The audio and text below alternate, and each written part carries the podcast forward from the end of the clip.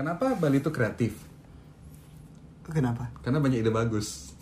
Tidak ayo ya.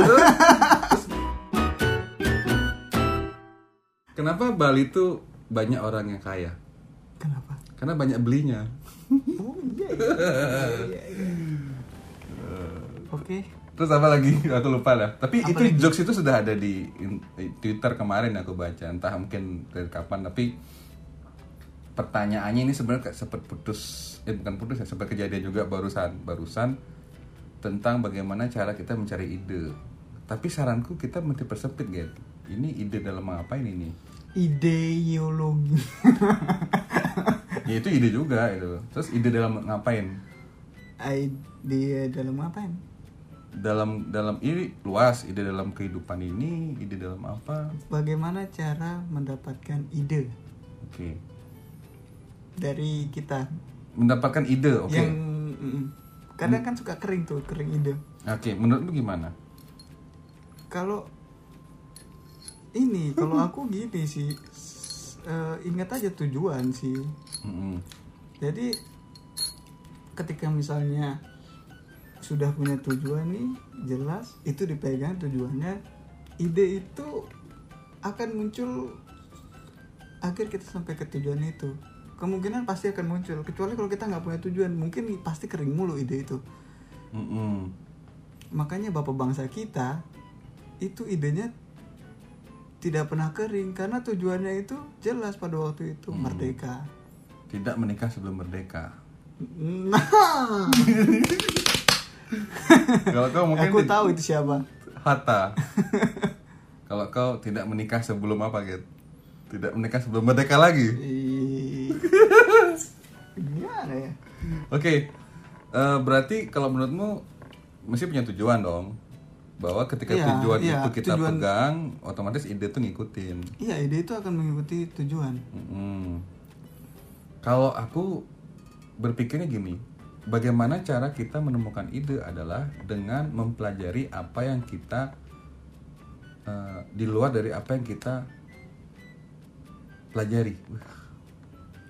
Maksudnya Contoh kayak gini nih, kita ngomongin soal ide bisnis misalkan, Hmm. ide marketing misalkan. Nah, ide marketing itu kan kita hitung-hitungan, eh, hitung-hitungannya kan kita mesti menang dalam konteks persepsi, eh, men- kita mesti menang dalam konteks engagement ke konsumen kan, dan akhirnya berujung pada konversi rupiah atau uang kan, revenue kan, pendapatan kan gitu. Mhm. Nah, bagaimana cara kita menarik orang itu kan juga pertarungan idenya kan ketat di situ. Nah, kalau kita hanya mempelajari disiplin ilmu kita, misalkan marketing aja atau ekonomi aja, itu tuh berat, gitu. Karena ru- jurus kita pasti sama dengan teman-teman marketing lainnya. Nah, makanya bagaimana cara mencari ide yang tidak kering ide, ada bagaimana menjadi orang yang tidak kering ide adalah dengan mempelajari banyak hal kita mesti mengkonsumsi hal yang di luar dari disiplin ilmu kita. Misalkan, kita mengkonsumsi tentang kesehatan, kita mengkonsumsi tentang ekonomi, kita mengkonsumsi tentang politik, kita mengkonsumsi tentang agama, kita mengkonsumsi tentang budaya. Sehingga konsumsi atau apa namanya? koleksi kons- ko- koleksi, koleksi asupan pandangan atau pemahaman ini bisa disinergikan. Contoh misalkan,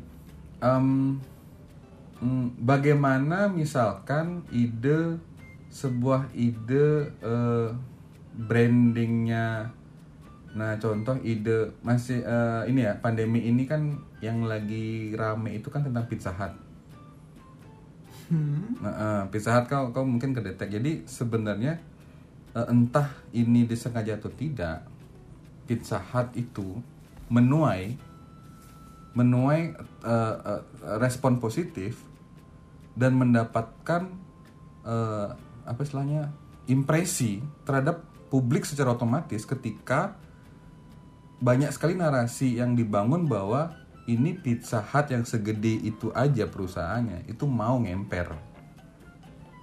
Yang dia punya program 4 pizza itu 100 ribu kan.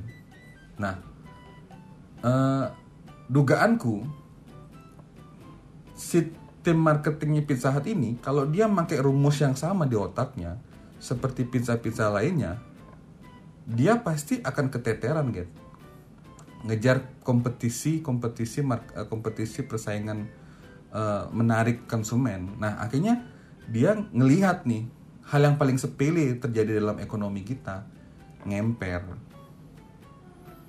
Dan aku yakin di dalamnya pasti juga ada orang yang tidak sepakat dengan konsep ngemper ini. Tapi the good newsnya adalah kabar baiknya adalah Pizza Hut itu berhasil membalikkan narasi bahwa dalam kondisi pandemi ini kita mesti melakukan apa pun yang sekecil apa pun, jangan malu, jangan gengsi. Nah itu dibikin narasinya. Hmm. Nah, artinya kalau misalkan marketingnya ini hanya melulu ngomongin bagaimana di di di di, di luar negeri segala macam, dia nggak akan ngejar. Dia pasti marketingnya ini pasti ngelajarin bagaimana eh, tipikal pedagang di Indonesia yang sebagian besar itu UMKM yang ngemper di jalan, street food lah istilahnya gitu loh. Sedangkan Pizza Hut yang kita tahu kan tidak se-street food itu. Yang kita tahu Pizza Hut itu kan cuma dua, delivery sistemnya sama restoran. restorannya. Tapi sekarang kan ada sistem street food kayak kayak street food gitu loh. Nah ini akhirnya menuai banyak impresi sebenarnya dan engagementnya juga tinggi kepada publik gitu loh. Nah contoh lagi aku terus terang sangat eh, kagum dengan gaya marketingnya Panji Pragiwaksono ya kau tahu nggak kenapa Panji Pragiwaksono membuat eh, stand up comedy world tour yang berjudul Panji juru bicara. Karena didasarkan pada pengalamannya Panji ketika menjadi juru bicara. Ini kan sesuatu dunia yang berbeda dengan komedi stand up komedinya dia. Hmm. Makanya eh, makanya kalau menurutku justru kombinasi-kombinasi di luar dari eh, apa namanya eh, apa yang biasa digelutinya seorang Panji yang up komedian, dia mengkombinasikan itu. Dia mengkombinasikan stand up comedy dengan eh, unsur-unsur politik, unsur-unsur eh, unsur yang lain, olahraga segala macam gitu. Sehingga itu menjadi berbeda dan idenya nggak pernah berhenti. Kalau menurutku segitu. Jadi kita mesti mempelajari di luar dari apa yang kita sering pelajari sehingga kita bisa mengkombinasikan itu. tapi kalau untuk kayak gitu ada ini sih ada perdebatan sih Mm-mm. itu kan konsep ini eh, jack of all trade atau spesialis eh, ada perdebatan ketika jack of all trade di mana eh, satu orang bisa banyak hal sedikit-sedikit Mm-mm. atau yang spesialis di mana dia tahu sedikit tapi dalam Mm-mm. eh untuk ide tergantung sih pada ini kalau aku menurutku eh, baik jack of all trade atau spesialis jadi kalau buat aku ya nggak Mm. nggak selalu harus tapi memang untuk merefresh bisa dengan mempelajari hal baru untuk eh, merefresh diri gitu kan merefresh otak. Selain belajar hal baru ya juga harus kalau ide tuh tujuan sih sebenarnya. Karena gini kadang gini ngide bisa sekreatif mungkin tapi bisa juga setidak berguna itu juga.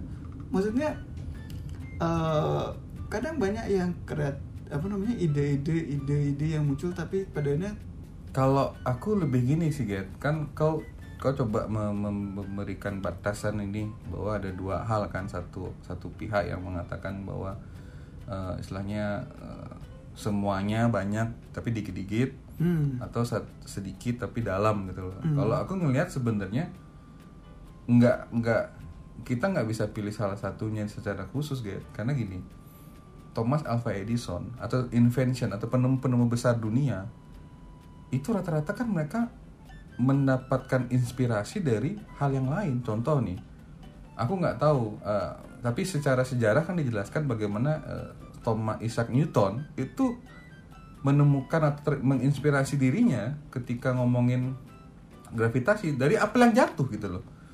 Bayangkan kalau misalkan dan tapi kan tapi kan cerita kisah itu kan didasarkan pada setelah dia jenuh di di ruang belajarnya dia dan dia keluar nge-refresh dan dia terinspirasi sama hal yang lain. Maksudku gini aku lebih sepakat dengan kata refresh itu sih. Maksudku ketika kita eh, kita bisa menggunakan eh, id- eh, apa namanya materi-materi di luar dari kemauan kita itu untuk merefresh. Karena kadang itu bisa mengambil inspirasi. Contoh kayak Thomas Edison misalkan. Dia kan mencoba macam-macam ada pakai ini pakai itu gitu loh. Iya, cuman pada ini kan ya ini eh eh, itu memang memang bisa untuk mendapatkan ide baru, mempelajari hal yang di luar dan itu berkaitan ya.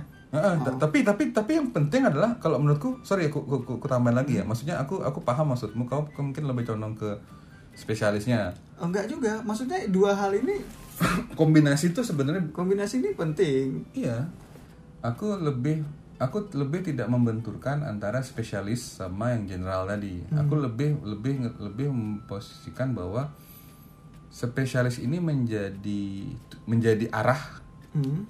seperti kau bilang tujuan Hmm. tetapi jalan atau idenya ini kita dapatkan dari hal yang general. Nah, jangan juga ketika kita punya ide atau dari dari atau mencari ide dari apa yang di luar dari mungkin kebiasaan-kebiasaan kita, kita melupakan tujuan, gitu. Nah, sama seperti Thomas Alva Edison. Kau dia punya tujuan kan, bagaimana lampu bisa Nyalakan. dinyalakan di rumah-rumah. Itu tujuannya dia. Akhirnya dia pelajarin bagaimana cara kerja eh, di luar dari disiplin ilmu kelistrikan gitu loh. Karena dia pengen nemuin sebenarnya gimana sih caranya. Nah, maksudku ide ini kan yang terpenting adalah kalau kau kan tadi membicarakan bahwa kita mesti punya tujuan untuk mencapai ide. Oh eh sorry, kita punya tujuan untuk me- untuk mendapatkan ide kan gitu. Nah, aku mungkin lebih ke eh, bahwa ide itu bisa didapatkan dari luar tapi tanpa mengabaikan tujuan. Seperti kau bilang Thomas Edison misalkan, dia punya tujuan untuk bikin lampu. Nah, dia akhirnya pakai ekor kuda, pakai apa ya pokoknya yang yang yang aneh-aneh lah dia pakai gitu loh. Dia terinspirasi dari apa? Mungkin kayak si eh, Isaac Newton juga kan gitu kan. Dia dia dia tidak merupakan tujuannya untuk menemukan fenomena alam yang nama gravitasi gitu loh. Tapi dia menemukan ide ketika ada apel jatuh misalkan. Atau bagaimana Albert Einstein yang menemukan teori relativitas ketika dia melihat kereta api yang berjalan gitu loh. Dia kan melihat itu kan, bagaimana kalau ada, ada aku berjalan di kereta api. Kan berarti berbeda dong berarti kan. Wow di situ dia menemukan hubungan bahwa waktu itu relatif gitu loh. Hmm. Nah, maksudku, maksudku, eh, aku lebih tertarik bahwa spesialis itu ketika ngomongin tujuan, tapi menjadi, istilahnya jack the all trade apa sekarang? Dia jack of all trade. Nah, itu tuh ketika kita ngomongin ide karena kadang jalannya bisa ke sana dari sana gitu loh. Karena kalau bi- dibikin coba lihat deh penemu-penemu besar itu pasti rata-rata mereka itu ceritanya gini, mentok. Ketika mentok mereka entah bagaimana tiba-tiba ketemu aja gitu loh. Atau ti- tiba-tiba mereka terinspirasi dari apa. Yang kadang itu di luar dari disiplin ilmiah mereka. Bukan karena oh si, si Newton itu karena dia ngitung oh benar hitungannya gitu. Biasa sih gitu. Maksudnya karena kayak mendapatkan ide atau inspirasi dari yang lain karena eh, Tapi juga ide itu muncul dari tekanan Libel. Pressure biasanya. Muncul ide itu. Iya, makanya kan dalam kisah-kisah penemuan besar ide itu kan pertama kan dari kebuntuan. Hmm. Buntuan itu kan tekanan. Nah, akhirnya mereka mungkin udahlah refresh dulu atau apa, mungkin apa segala macam atau kita ngobrolin yang lain atau duduk-duduk. Setelah itu jeda ya udah. Biasanya ide itu muncul. Makanya, cuman ini berbahaya. Kita tahu, aku tahu kalau misalnya ide itu muncul ketika ada pressure. Namun umumnya yang aku lihat Hmm. eh, ketika pressure-nya itu adalah waktu, itu berbahaya Bluebell. Karena? Maksudnya berbahayanya gini. Jadi ketika dikasih spare waktu tiga hari, last Hmm, minute orang hmm, Indonesia biasanya dipakainya last minute. Hmm, hmm. Jadi Karena kenapa? waktu, Ka- karena kenapa? Karena memang orang Indonesia itu butuh tekanan ketika punya ide gitu maksudnya. Ah, enggak, ini yang harusnya kita tadi kan bilang nih apa sih yang bisa memicu Ide. ide, kan? Ada yang namanya eh, tekanan kan pressure. Mm, pressure dalam artian umumnya eh, pressure dalam artian apa aja entah itu pressure dalam dalam dalam Waktu, eh, waktu, tempat. tempat klien mungkin kan atau atasan. Cuman ketika yang jadi eh, pressure-nya ini adalah waktu yang seharusnya panjang tapi karena tahu biasanya last minute itu ada ide muncul jadi digunakan last minute-nya itu itu berbahaya itu. Kenapa alasannya berbahaya? Karena gini ketika yang dipakai itu biasanya hasilnya agak kurang Hmm.